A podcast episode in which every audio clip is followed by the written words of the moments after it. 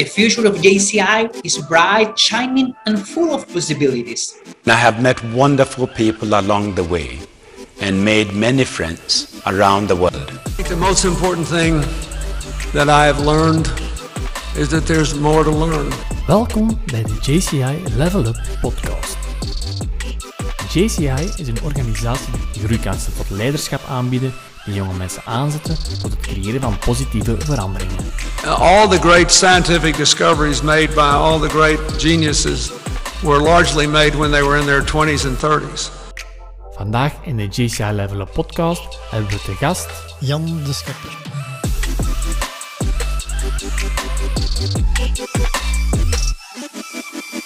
Jan, welkom in de podcast van eh, JCI. Vertel eens, wie zeg jij, wat is uw bedrijf, uw functie? Ik ben dus Jan de Schepper. Ik heb altijd gewerkt voor Telinus. Op een bepaald moment werd Telinus overgenomen door Proximus. Dat was in 2006. En dan zijn we een bedrijfje gestart. Carmen Cordier, eh, Peter Valaar en ikzelf. En dan na een tiental jaar hebben we dat bedrijfje ondergebracht onder BDO. En nu is uh, Peter Valaar CEO van BDO. En ik zelf ben partner van BDO en ook bestuurder van BDO Digital. Oké, en BDO, wat is dat eigenlijk? Ja, BDO is een internationaal adviesbedrijf. meer dan 100.000 mensen. Meer dan 10 miljard dollar omzet. En wij noemen ons eigenlijk bij de Big Five zijn wij de vijfde. Hè. We, we spreken altijd over de Big Four. Maar eigenlijk is het de Big Five en zijn wij de vijfde. Zo'n beetje de underdog misschien wereldwijd, maar toch een heel competent uh, bedrijf, ook heel uh, aangenaam bedrijf om uh, voor mm -hmm. te werken. En BDO is natuurlijk gekend voor zijn advies dat hij levert. In de reguleerde business is dat tax, legal, audit, financial advisory. Maar je hebt ook een adviserende afdeling en daar spreken we dan over het digitale, over risk, over structuur, organisatie. We noemen dat dus eigenlijk een organisatie van SNT, Strategy and Transformation. Mm -hmm. Ook financial advisory zit daaronder. En dat, de totaliteit daarvan is toch een 250 mensen in België. En dat is uh, BDO Advisory. Maar dat is een, een heel groot pakket. Ja, dat is een heel groot pakket. Um, er zijn ook uh, acquisities gebeurd de laatste jaren, waar dat ook nieuwe competenties zijn uh, ingenomen binnen BDO. En we zijn toch met een goede 1100 mensen in België. En we realiseren toch een 140, 145 miljoen euro omzet daarmee. Amai, knap. Um, we zitten hier in de JCI-podcast. Wat is JCI voor u en hoe heb jij JCI leren kennen? Ja, ik werd een keer gevraagd in het uh, Vlaams Congres te spreken over Connection. En uh, toen heb ik jonge mensen leren ontdekken van GCI. En dat was heel aangenaam. Dat was uh, in de corona, of juist voor de coronaperiode. En daarachter heb ik nog een keer in de, na de coronaperiode een, een uh, speech gegeven voor GCI. En het zijn dus jonge ondernemers die willen leren. En dat voelt je natuurlijk onmiddellijk in de zaal als er mensen zijn die absorberen, die vragen stellen, die enthousiast zijn en die vooral willen leren. Dat is heel aangenaam om een uh, keynote voor te geven. Ja, dus vorig jaar hè, in Sint-Niklaas hebben we daar die keynote gegeven. Uh, hoe was dat voor u uh, als spreker bij die jonge mensen? Ja, dat was aangenaam. Hè. Je komt dan natuurlijk, als je gaat keynotes geven, komt geen organisaties die nogal vrij goed, stevig georganiseerd zijn, mm -hmm. waar heel wat maturiteit is, waar alles op voorhand goed geregeld is. Dat verwacht je niet zo direct van DCI als je bij jonge mensen, maar ze deden een geweldig hun best en eigenlijk waren ze goed georganiseerd. Ik, uh, ik, mag daar helemaal, uh, ik kijk daar heel positief naartoe. Om deze podcast mogelijk te maken, werken wij samen met partners en deze laten we met plezier aan het woord. Foubert is meer dan gewoon bolletjes ijs scheppen. Ze willen iedereen gelukkig maken met de smaakbom waarvoor de hashtag Yum is uitgevonden. Foubert is onweerstaanbaar ijs tegen een betaalbare prijs. Black Shaker Events het eventassistbureau in België. Zij helpen u graag met het plannen van al uw evenementen, van productie tot crew en van klank- en lichtverhuur tot catering. Ook gespecialiseerd in homemade kwaliteitscocktails voor jouw evenement of voor thuis. 125 jaar ervaring, uitmunnende service en grote kennis van de herenmode. Dat is wat je bij Herenmode De Walen vindt. De familie De Walen en heel het verkoopsteam staan garant voor een vakkundige begeleiding bij jouw keuze. Herenmode De Walen, uw maat in herenmode. Loopt is een fantastisch bedrijf dat zich gespecialiseerd heeft in het out-of-home segment met spiegels, met reclame op in toiletruimtes, waar wij aan de Belgische kust zitten, tot het centrum van Antwerpen, tot Limburg, tot Brussel, tot zelfs in Wallonië, waar we een kleine KMO tot de grote der aarde kunnen helpen op een heel leuke en vooral een budgetvriendelijke manier te adverteren. Je bent ooit begonnen als manager bij Tilindus en Proximus. Uh, hoe, hoe, is dat begonnen? Ja, eigenlijk Tilindus, dat uh, is toch al een tijdje geleden. Uh, ik was jeugdtrainer op KV Mechelen en toen heb ik John Cordier leren, leren kennen. Die had zijn zoontje bij de allerkleinste ja. en die kwam kijken naar de, naar de trainingen en hij sprak me aan. En zo zijn we in gesprek gekomen. En toen zei hij tegen mij, want ik was op de universiteit, ik was aan het doctoreren. En hij zei, ja kijk, als je zo verder doet, dan zit je op je dertigste jaar in een situatie als prof, waar dat je op je zestigste waarschijnlijk hetzelfde doet als op je dertigste jaar. Ah, ja. Moet ik kijken uh, naar Telindus, kom een keer af en dan leer ik u echt de wereld kennen. En ik ben op een woensdag namiddag uh, naar uh, Telindus gegaan, naar John Cordier. Een gesprek van twee uur. was mij trek duidelijk dat, ik dat, dat dat mijn toekomst was. Meer dan aan de universiteit blijven, meer dan een academische studie te doen. Ah, of een academische carrière te volgen. En toen ben ik bij Telindus begonnen. Ah ja. En Proximus, hoe is dat dan uh, gelopen? Ja, Proximus was een ganse periode daarna. Uh, toen dat wij toch een vrij groot bedrijf werden. 5000 mensen, 22 landen. En we werden eigenlijk heel dominant in de Belgische markt op het gebied van de integratiebusiness. En Proximus wou dus naar die business gaan. En toen hebben ze ons gekocht. Uh, wij waren genoteerd op de beurs, zij waren genoteerd op de beurs. we hadden een grote free float, zoals ze dat noemen. Mhm. Dus we waren een beetje kwetsbaar en ze hebben ons dus gekocht in 2006. Ben ik nog drie jaar daar gebleven en de corporate market geleid. En dan uh, Crossroad en daarachter BDO. Ah, oké. Ehm, ik heb ook gezien uh, op het internet dat je boeken hebt. Uh, Kopmannen en uh, Connection. hoe is je daartoe gekomen eigenlijk? Ja, op het moment dat ik dat overstapte van Proximus naar Crossroad, zei er iemand mij... je zou eigenlijk je gedachten een keer moeten op papier zetten. Dat was een journalist van de Financiële Economische Tijd toen, De Tijd. Ja. En ik ben daarom begonnen tussen kerst en nieuwjaar. Op 14 dagen had ik 300 pagina's geschreven. en toen zei de man, ja, eigenlijk eh, kunnen we daar 20 van gebruiken. Ah, dus 20 van gebruiken, omdat ik veel te veel en te ruim gegaan. en toen zei ik, kijk, iets wat u goed ligt en wat er, waar je affiniteit mee hebt, dat is uh, de sport en de business te vergelijken of te kijken waar zijn de verschillen en waar zijn de gelijkenissen. En toen is het eh, boekje Kopman ontstaan. Heb ik daar een lancering gedaan met twintig toppers uit de sport en twintig toppers uit de business. Ja. En eigenlijk op initiatief van Dominique Verwan ook die. Dus toen zei hij, ja, zou eigenlijk ook een namiddag moeten organiseren voor CEO's, zodat dat de CEO's met elkaar kunnen bouncen. Ja. En zo is de CEO Summit ontstaan. Want ik ah. dacht, ik zeg, ja, Dominique, ik wil dat graag doen, maar jij moet dat meedoen. Ja. Um, en Patrick de Mazeneren heeft er ook meegedaan. Dat was nog toen Barry Callebaut en Sven Nijs en Paul ja. Bos. We hadden 40 mensen uitgenodigd.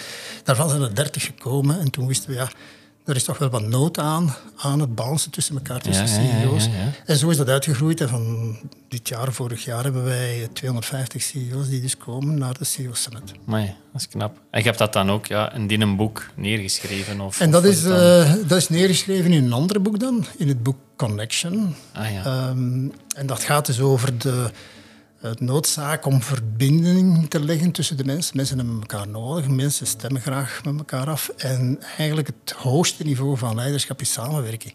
Men denkt altijd, ja, leiders moeten onafhankelijk kunnen zijn, maar eigenlijk moeten ze vooral wederzijds afhankelijkheid kunnen creëren. Ze moeten mensen kunnen verbinden en samenwerken, want dat is het hoogste niveau van leiderschap. En dat komt dus ook in dat boek Connection voor. Hoe belangrijk connecteren is, hoe belangrijk co-reguleren, afstemmen met elkaar is en hoe dat je daar beter van kunt worden. Ja, dus leiderschap, dat is voor u vooral samenwerken? Dat is vooral samenwerken, ja. Dus wij hebben dat uh, neergeschreven in, de, in, in, dat boek van hoe uh, moeilijk het is samen te werken. Want dat is niet zo eenvoudig. Mensen werken van nature niet altijd samen. En er zijn een aantal noodzakelijke voorwaarden waardoor dat mensen gaan samenwerken. Maar het is uh, vandaag ook nog in de bedrijven zo. Men heeft een studie gedaan, Harvard, Stanford, en die heeft vastgesteld dat 72% van de CEO's vinden dat hun organisatie niet genoeg samenwerkt. Ah, ja. En dat dat ten koste gaat van uh, employee satisfaction. De beste mensen gaan zelfs vertrekken als er niet goed samengewerkt wordt. Het gaat ten koste van de customer satisfaction, want klanten die merken dat natuurlijk ook wanneer er niet goed samengewerkt wordt. En het gaat ook ten koste van de winst van het bedrijf. Men heeft wat uitgeregeld dat de EBIT-marge uh, in relatieve cijfers tot 2, 3 procent naar beneden kan gaan als de mensen niet goed samenwerken met elkaar. Ja, dat is al veel natuurlijk. Dat is heel veel. Als je dat in absolute cijfers bekijkt van een miljardenbedrijf, dan is dat gigantisch veel. Ja, ja zeker. Uh, ik heb ook gelezen uh, dat bedrijven geschikte amplifiers vinden voor een organisatie. Wat zijn amplifiers en wat is dat? Ik, ken er niks ja, van. Ja, amplifiers, je vindt ze in alle organisaties, maar meestal te weinig toch. Uh, amplifiers hebben eigenlijk vier belangrijke kenmerken. De eerste is, het zijn de fibers van een organisatie. Dat is al een eerste punt. Uh, het zijn mensen die dus de verbinding kunnen leggen tussen de top van een organisatie en de basis van een organisatie. Kunnen ook de verbinding leggen tussen de strategie van een organisatie en het operation. Zij installeren de juiste emotionele cultuur. En het is aangetoond dat organisaties met de juiste emotionele cultuur ook beter presteert. Betere winst maken, klanten meer tevredenheid kunnen, uh, kunnen maken, maar ook hun employees tevredener kunnen maken. En wat zij ook doen, want er staat ook heel wat druk en pressure in organisaties, zij kunnen die druk omzetten naar drive. En dat zijn er niet te veel mensen die dat kunnen. Want druk omzetten naar stress, dat is heel eenvoudig. Hè? Ja. Dus je komt dan maar door in de band van de volgende en die krijgt er dan wel stress van. En die amplifiers die slagen erin om druk om te zetten naar drive. En dat is een grote competentie. En dan is de vraag van uh, hoeveel amplifiers heb je in je team? Hè? Heb je de 10% van je team zijn amplifiers, of 40% of 50 of 60%? Dat maakt een gigantisch groot verschil uit. Hmm. Oké. Uh, wat zijn de grootste uitdagingen die je al ooit hebt meegemaakt uh, met een BDO of Proximus? Of, ja, ik denk elke crisis is een gigantische uitdaging. We hebben toch een crisis gekend in 1991. Dat was al de eerste keer dat er in de ICT-wereld een crisis kwam. En dat was op wereldvlak toch. En dat hebben we in België toch ook gevoeld. En ook Telinus heeft dat gevoeld. Dat was een enorme uitdaging om dan nog de mensen aan boord te houden, zeker de beste mensen aan boord te houden, om nog te zorgen dat ze dus uh, kunnen overleven en dat ze ook ja. gemotiveerd waren. Dat was een eerste grote uitdaging. Tweede grote uitdaging was het samenbrengen van Telins, Proximus en Belgacom. Uh, dus op een bepaald moment, als wij dan overgenomen werden, dan um, kregen wij de opdracht, en dat was dan uh, Telins en ikzelf, uh, kregen dan de opdracht om de B2B-markt te organiseren. Ja. En dat we dus een gestroomlijnde strategie hadden, dat we de value proposition samenbrachten, maar dat we ook een de benadering naar een klant toe, naar de markten toe, want er waren drie verschillende bedrijven, Belgacom, Proximus, Telindus. Ja. Dat was één organisatie. Die samenbrengen, dat was een gigantische uitdaging. Dan hebben we nog ook in 2012, 11 toch de crisis, de financiële crisis gekend, waar we met de Crossroad door moesten. Dat was ook een gigantische uitdaging. En nu, ja, dan hebben we corona gekend en uh, we hebben dan nog een keer Oekraïne. We zitten in de periode van de polycrisis, waar dat de ene crisis de andere crisis opvolgt. Dat zijn dus ook wel grote uitdagingen. Of dat de ene nu minder is dan de andere, het blijven allemaal heel specifieke uitdagingen. Mhm. Het blijven allemaal heel specifieke gebeurtenissen waar je constant moet je op aanpassen. Ja. En dat gaat niet stoppen, denk ik. Dat gaat blijven. Uh, dus we moeten ons daarop instellen dat wij dus in een heel sterk uh, veranderde markt... Eigenlijk is, het nog iets verder. We zitten meer in een markt waar dat er veranderingen gebeuren. Maar we zitten in een verandering van een markt. En in Ah, een verandering ja, ja. van een tijdperk. Hè. We zitten niet meer in een tijdperk van verandering, maar wel in een verandering van een tijdperk. Ehm, maar we moeten positief blijven. Ik denk dat we heel wat uitdagingen hebben. Maar ik denk dat er ook heel veel potentieel en heel veel kansen liggen. Ja, ja, ja. Dus creatief omgaan met... Zeker en vast. En, en, en constant innoveren en, zaak, en aanpassen. Ehm, maar vooral de goede mindset hebben. Dus niet denken in, in, in de problematiek van moeilijkheden, maar wel denken Oplossingen. in, in Ja. de- oplossingen, maar in mogelijkheden. Dus Ja. in plaats van moeilijkheden altijd. Want als je dus constant denkt in moeilijkheden, dan raakt je in moeilijkheden. Ja. Denk je in, in, in mogelijkheden, dan vind je wel mogelijkheden. Dat is een enorme belangrijke mindset die niet bij iedereen aanwezig is. Want eh, mensen hebben dus ook een negativity bias. Hè, spreken heel graag over al wat verkeerd gaat en al wat niet goed is. En als je negatief nieuws hebt, dan gaat dat, dat veel langer onthouden worden dan een positief nieuws. En ja, dat, dat, dat is iets waar dat je in je, in je team zeker vast moet aandacht aan geven. Mooi. Ehm, je hebt ook nog een andere eh, carrière gehad. Hè? Ehm, de jeugdcoach bij KV Mechelen. Eh Eén, hoe zit je bij KV Mechelen terechtgekomen? En dan als coach. En dan, eh, wat, heb je daar allemaal gedaan? Ja, ik ben daar twaalf jaar geweest en dan daarachter Toen dat in 2003 Mechelen nog wat in de problemen zijn geweest, hebben we ook nog een beetje meer achter de schermen ehm, gewerkt om de club te redden samen Piet de Boer en Erik Stroomans was er toen ook nog bij. Ehm, hoe ben ik bij Mechelen gekomen? Eigenlijk heel eenvoudig. Ik begon aan een doctoraat en dat ging over psychomotorische trainingen geven voor kinderen van 4 tot 8 jaar. We gingen dus aantonen en bewijzen, wat achteraf ook gebleken is, dat wanneer dat we die kinderen twee keer twee uur in de week psychomotorische trainingen geven, mm multimoves zoals we dat nu noemen, dat die ook beter schoolresultaten zouden halen. Ja. En effectief was dat zo. Natuurlijk, dat is heel aantrekkelijk als je zo begint met zulk thema. We hadden op een bepaald moment 100 kinderen van 4 tot 8 jaar. Ik heb er heel wat vrienden ook nog van overgehouden, van ook de trainers, maar ook de ouders. En we gaven die twee keer uh, in de week, gedurende twee uur, in totaal vier uur psychomotorische trainingen. Dat was niet puur en alleen maar voetballen, dat was ook balspelen, uh, mm ooghandcoördinatie, voet-oogcoördinatie. En die kinderen haalden dus significant betere schoolresultaten. Dat wat logisch is, want als je bewegen ligt op de basis van alle handelingen. En uh, als je gaat lezen, dan is dat een beweging. Optellen is een beweging. De mhm. kinderen werden ook socialer, mondiger, door het mm feit dat ze dus in groepen konden bewegen. Ja, en de zoon van John Corday was één van die, van die spelertjes. Pluimpjes, zoals we dat noemden in die tijd. En toen heb ik John ontmoet. Ja. Hij kwam naar zijn zoontje kijken en hij vroeg hoe dat met zijn zoontje was. Ik herinner me nog heel goed dat ik zei... Ja, hij heeft een heel goede linkervoet. Maar dat heeft hij waarschijnlijk van zijn, van zijn moeder en niet van zijn vader. En zo zijn we dus in een gesprek gekomen. En toen vertelde hij mij van zijn Telindus. En zijn bedrijf. Zo ben ik ja. op Telindus gekomen, ja. Ja. En doe je nu nog iets bij de KV Mechelen? Of, uh... Nee, ik ben nu vooral supporter van KV Mechelen. Ehm, maar actief ben ik er niet meer in. Ja. En um, merkt u een verschil met leiderschaps uh, binnen KV Mechelen, het sportwezen en hetgeen dat je nu doet? Of, of heb je daar dingen van uitgehaald om daarmee te krijgen? Ja, een voetbalclub is natuurlijk ook een bedrijf geworden, meer en meer. Ehm, de voetballers zijn eigenlijk de verkopers van uw organisatie. De trainer is uw salesmanager, meneer van spreken. En uw supporters zijn allemaal uw klanten. Dus dat is een duidelijke vergelijking. Maar uh, natuurlijk, het voetbal is veel professioneler geworden dan vroeger. Het gaat allemaal veel sneller. Het is ook heel, veel commerciëler geworden. Mhm. Gelukkig maar, het mag. Uh, accommodaties zijn ook veranderd. Het is ook een beleving, hè, zoals wij dat ook in de business uh, uh, hebben. Het moet een experience zijn. Ja, de voetbal moet ook een experience zijn. Ja. En natuurlijk, dat is een van de redenen waarom we zeker in het voetbal ook in de sport niet graag hebben dat er, hooligans zijn, want dan is die beleving ganz anders. Ja. Ehm, maar die vergelijking is er natuurlijk wel. De, de, vergelijking met sport en business, wel, mensen zeggen ja, dat is 90% hetzelfde. Nee, dat is 90% anders. En 10% is hetzelfde.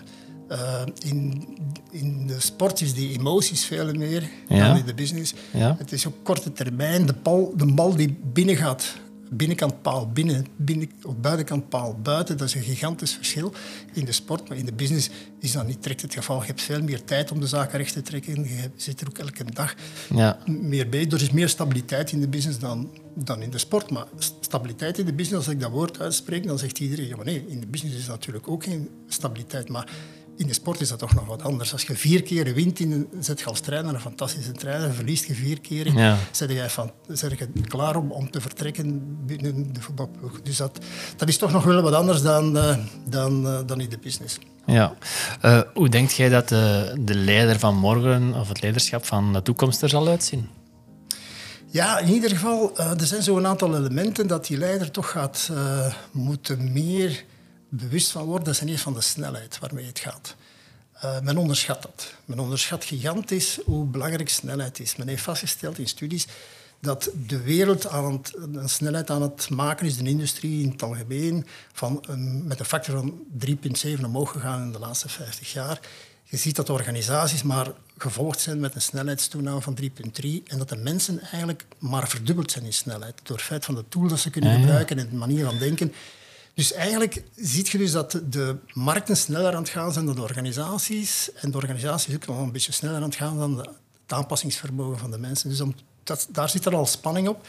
Dus wij zijn als leider verplicht om te zorgen dat onze mensen sneller kunnen, Hoe kunnen ze sneller worden door de zaken te vereenvoudigen, bijvoorbeeld de organisaties af te vlakken, door minder layers te bouwen, minder KPI's af te zenden van op ons mensen, minder complexiteit en ingewikkeldheid te creëren. Als je vandaag dus ziet, de complexiteit is maal 7 de laatste 50 jaar, ingewikkeldheid is maal 38 gegaan de laatste 50 jaar. En daar moeten dan de mensen zich gaan hè, goed, nog goed invoelen. Dus dat is zeker een, belangrijk punt. Mensen moeten zeer goed opgeleid zijn. De zaken moeten vereenvoudigd zijn. En je moet ze meer en meer individueel coachen. Dan komt er nog een keer AI bij. Dat, dat dus ook een belangrijke parameter zal worden voor de volgende jaren. En we maken daar geen schrik van. En we moeten eigenlijk omarmen. We gaan heel veel meer tijd krijgen door het feit dat AI ervan ervoor zal zorgen dat de data ter beschikking zal zijn en dat ze zelfs geïnterpreteerd gaan worden. Dus ook leidinggevenden zullen meer tijd krijgen om met die mensen bezig te zijn. Maar dan moeten ze natuurlijk getraind zijn om te weten wat moet ik met die mensen nu aanvangen. Ja. Want vandaag steken heel veel leiders zich... Ja, ik heb er geen tijd voor om met mensen bezig te zijn, want ik moet met de cijfers bezig zijn, ik moet met de data bezig zijn, ik moet met de Ja. output van alle zaken bezig zijn. Maar dat gaat 20, 30 procent tijdswinst door AI eh, zal dat opleveren. En dan moeten de mensen of de leiders toch meer gaan bezig, zich bezighouden met, met hun mensen. En dan moeten ze deskundigheid gaan tonen van hoe kan ik nu mensen beter maken. Want dat is eigenlijk leiderschap. Mensen Ja. sterker, beter maken, groter maken. Ja. Eh, hoe kunnen ondernemers profiteren van een netwerk zoals BDO? Ja, BDO is zijn netwerk volgens mij de laatste jaren zeer sterk aan het uitbreiden op alle vlakken in verschillende specialiteiten. Dus we zitten niet alleen in de tax, legal, audit, in de financiële wereld. We zitten ook in al wat met organisatie te maken, met risk te maken heeft, met het digitale te maken heeft. Ehm, ik denk dat BDO heeft de competenties van de Big Four, zou ik zeggen. Maar heeft dus eigenlijk qua cultuur toch een iets apartere cultuur, een meer familiale cultuur, vlakke organisatie. Mensen zijn hier vrij, ze mogen innovatie toepassen. We hebben trouwens ook een initiatief genomen om innovatie binnen het bedrijf eh, te stimuleren.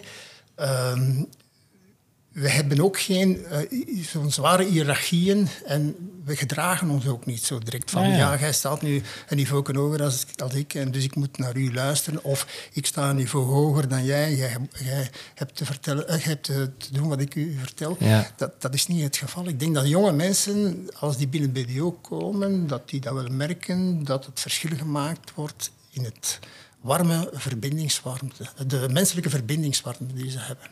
Ja, dat is mooi. Totaal iets anders. Ja. Op welk liedje kun je nu niet blijven stilstaan? Of wat is je favoriet nummer? Wel, dat van eh, Tina Turner vind ik, eh, vind ik een, een geweldige performer. Ehm, hoe heet dat? River Deep, Mountain High. Is dit? Dit is het, ja. En eh, van waar de, wat voor verhaal zit erachter, achter dit liedje? Wel, als je Tina Turner bezig ziet performen, dan is dat een topperformer. Dus dat is degene die dan op alle gebied technisch, alle danspasjes, alle manieren van doen, eh, non-verbale communicaties, allemaal voorafgaandelijk ingetraind natuurlijk, maar dat is perfect. En dan heeft ze natuurlijk een stem waar dat ze Ja. alle kanten mee uit kan. Ze heeft een geweldige uitstraling ook. Ja. En, eh, eh, charisma. En, ja, en dan trek- kan, kan even goed uh, Simply the Best gaan, gaan, nemen als een fantastisch liedje. Maar ik vind deze nog iets straffer, ja. Oké, zijn even luisteren.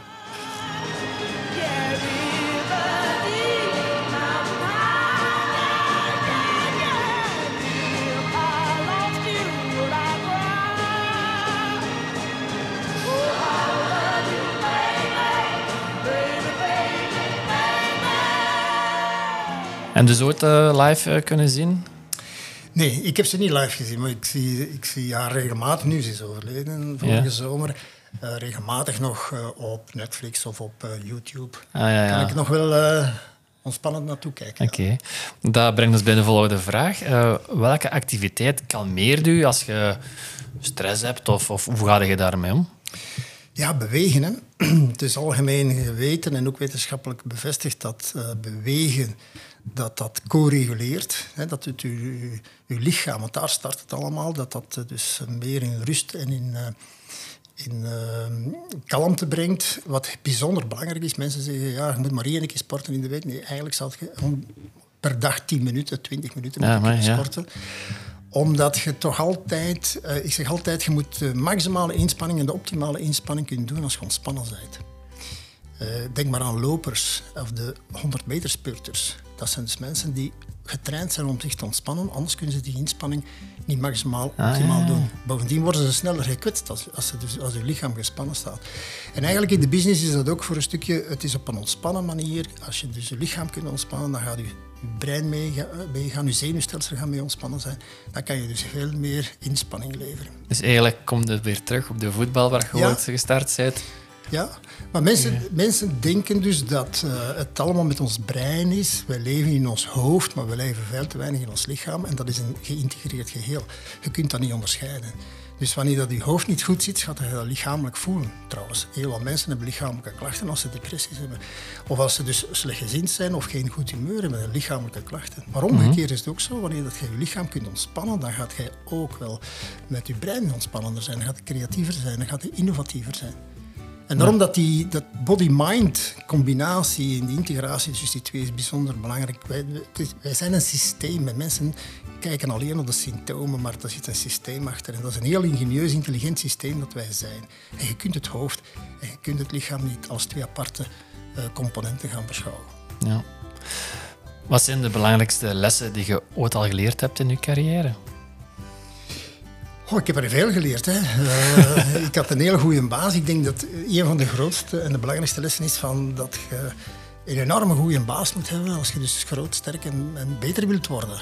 Uh, uw eerste basis is al bijzonder belangrijk. Het is ook zo dat, dat zelfs als in de kindertijd begint dat al, dat je dus heel goed uh, moet, moet, moet uh, verzorgd worden. Dat je moet goed uitgedaagd worden op de juiste manier. Maar je moet een heel goede baas hebben die u kan bijleren. Op het moment dat het leren stopt, dan, dan stopt de relatie met je baas. Ja. Niet vergeten dat uh, heel wat mensen, als, je dus, als ze anoniem kunnen antwoorden, toch wel wat, wat klagen over de, de, de leermomenten dat ze veel te weinig hebben uh, in, in, in, relatie met hun baas. Het tweede element dat ik ook uh, geleerd heb, dat je lange termijn moet kunnen denken.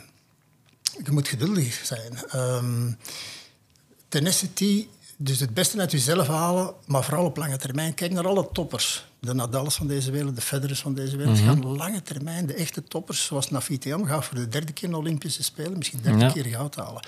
Remke Evenepoel is hier ook niet voor twee, drie wedstrijden te winnen goud. Nee. Dus die kijken hun carrière naar, naar tien jaar tot, tot, tot zelfs meer.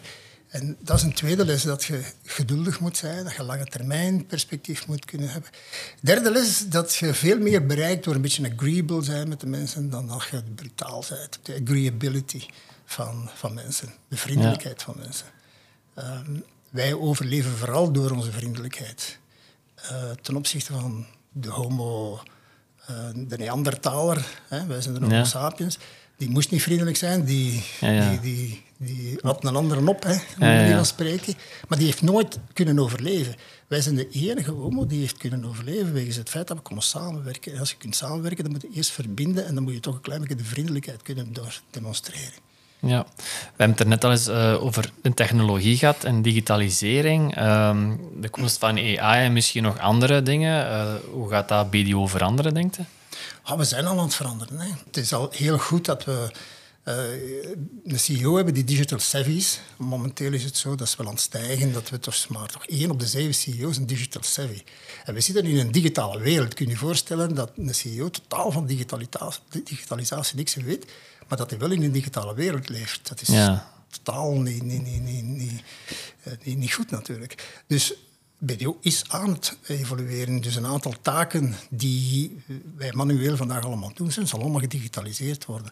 Robotisatie, AI, heel wat repetitieve zaken, zaken die beschikbaar zijn, waar we moeten achter zoeken, zullen allemaal door artificiële intelligentie veel sneller opgelost kunnen worden. Ja. Ik zie BDO daar op de goede manier evolueren. Kan het sneller? Dat kan altijd sneller. Maar we zijn toch wel uh, bij de top op dat gebied. Ja, zijn ook nieuwe functies ontstaan? Er komen nieuwe functies, uiteraard. Data scientist, uiteraard, dat is een nieuwe functie al. Er zullen waarschijnlijk 20% van de job van de huidige jobs verdwijnen, maar er zullen 20% tot 25% zal, zal erbij komen. Dat hebben we ook gehad in het tijd van, tijdperk van elektriciteit, dat hebben we gehad in het tijdperk van het internet. Dat gaan we dus nu vandaag ook met artificiële intelligentie hebben. Ja. Dus je ziet wel zo verschillende patronen die wel terugkomen. Ja, de patronen komen terug, ze komen ook sneller terug. Ah, ja. Dus eh, dat, dat, dat is duidelijk. Dus de wereld is sneller en sneller aan het gaan. Maar ik zie heel wat uh, potentieel. Dus uh, ook potentieel in de mensen. Hè? Want wij zeggen altijd, mensen is een kost. Zijn. Je kunt ten opzichte van de mensen twee kanten op. Ofwel ziet je het als een last en een kost, ofwel ziet je het als een potentieel.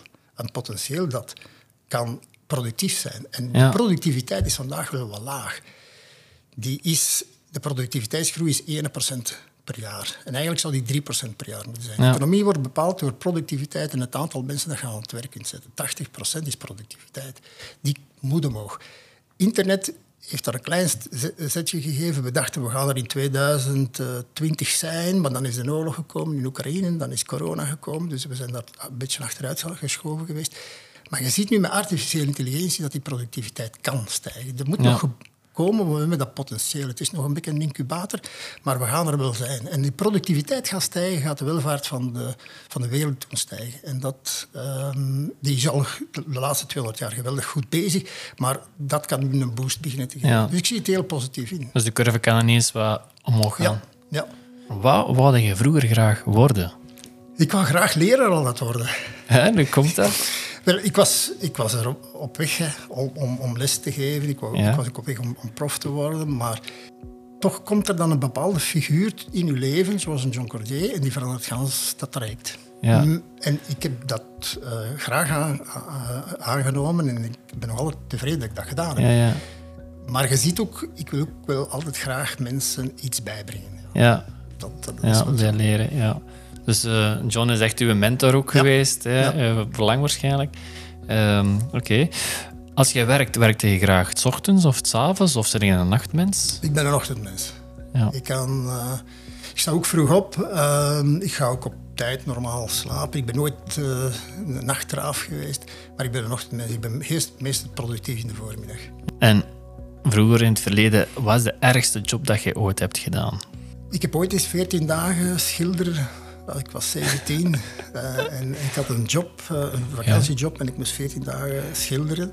En ik kan u zeggen, dat was, Dat was het niet. dat was het niet. Ik had pijn langs alle kanten, want je moet maar een keer een paar uren per dag met je handen boven je hoofd zitten. Ja, in schilderen, plafonds en al. plafonds Ja, en, ja, en ja. ramen. En afschuren eerst. Nee, dat was, dat was echt niet Toen heb ik gezegd, ja, het is best dat je studeert. Dat is goed. Welk boek heb jij voor het laatst gelezen? Of eh, beluisterde jij luisterboeken of podcasts? Of... Ja, ik, ik, ben nu bezig met Deb Lana te lezen. Dat is een, neuro, een neurologe, eh, neuropsychologe ook, organisatiedeskundige. En ik ben aan het, de polyvagaal-theorie aan het bestuderen. ehm, en ik ga daar waarschijnlijk proberen de link te leggen. Eh, hoe kunnen we dat nu toepassen op leiderschap? Ja, want dat is nog niet, dat is nog niet zo ver eh, ontwikkeld. Het is al een theorie die al eh, een paar decennia bestaat, maar nog niet zo lang. Ehm, en ik probeer eigenlijk een beetje te vertellen, of, of ik probeer eigenlijk in dat boek te zeggen van wat is nu de reden waarom dat de return on leadership zo laag is. Eh, We investeren in de westerse wereld anderhalf miljard dollar per jaar aan leiderschap. En de return on leadership is zeer bedroevend. 72% van de CEO's zeggen, had ik beter leiderschap gehad, zou ik beter resultaten halen. En ik vind dat mijn leiderschapsniveau in mijn organisatie veel te laag is. En wat doen ze dan? Dan gaan ze mensen sturen naar opleidingen. En die opleidingen zijn voor een groot stuk toch altijd gebaseerd op tips en trucs eh, en tricks. Ehm, en, dat en de symptomen behandelen. Maar eigenlijk wat, wat we zouden moeten doen, is veel dieper gaan, de onderliggende systemen begrijpen. Waarom reageert een persoon zo en zo en zo?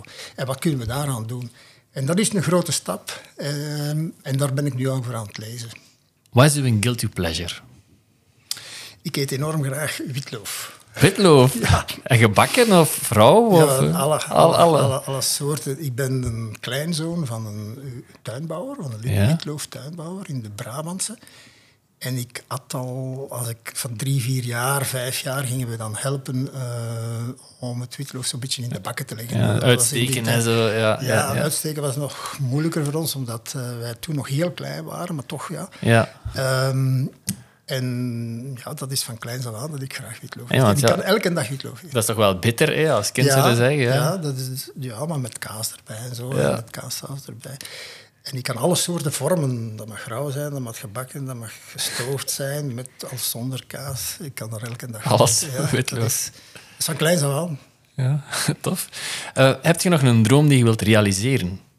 Binnen het bedrijf of persoonlijk vlak? Ja, wel, ik denk dat, dat er al een pak dromen gerealiseerd zijn. Wat ik nog heel graag zou doen, en wat ik eigenlijk nu ook bezig ben, dat is met jonge mensen werken en die mensen groter, sterker maken, Ja. eh, initiatief laten nemen. Zelf de mentor Ja, zijn. ja. Ja. dat, dat doe ik heel graag. Ehm, ik geef ook graag eh, keynotes, dat vind ik ook fantastisch. Dat is heel plezant. Eh, zeker als je ziet dat de mensen mee zijn, dan Ja. is dat enorm plezant. Ook wat ik voor jullie gedaan heb, hè. Ja. Eh, ook dat die keynotes geven. Ehm, ja, ik, ik denk eh, dat zijn mijn dromen. En, en, en zoals het vandaag gaat, is dat nog altijd heel boeiend. Ja, super. Mag ik je van harte bedanken voor deze podcast. En eh, hopelijk zien we elkaar nog eens terug op een ander evenement van JCI. Dank u wel. Dank u.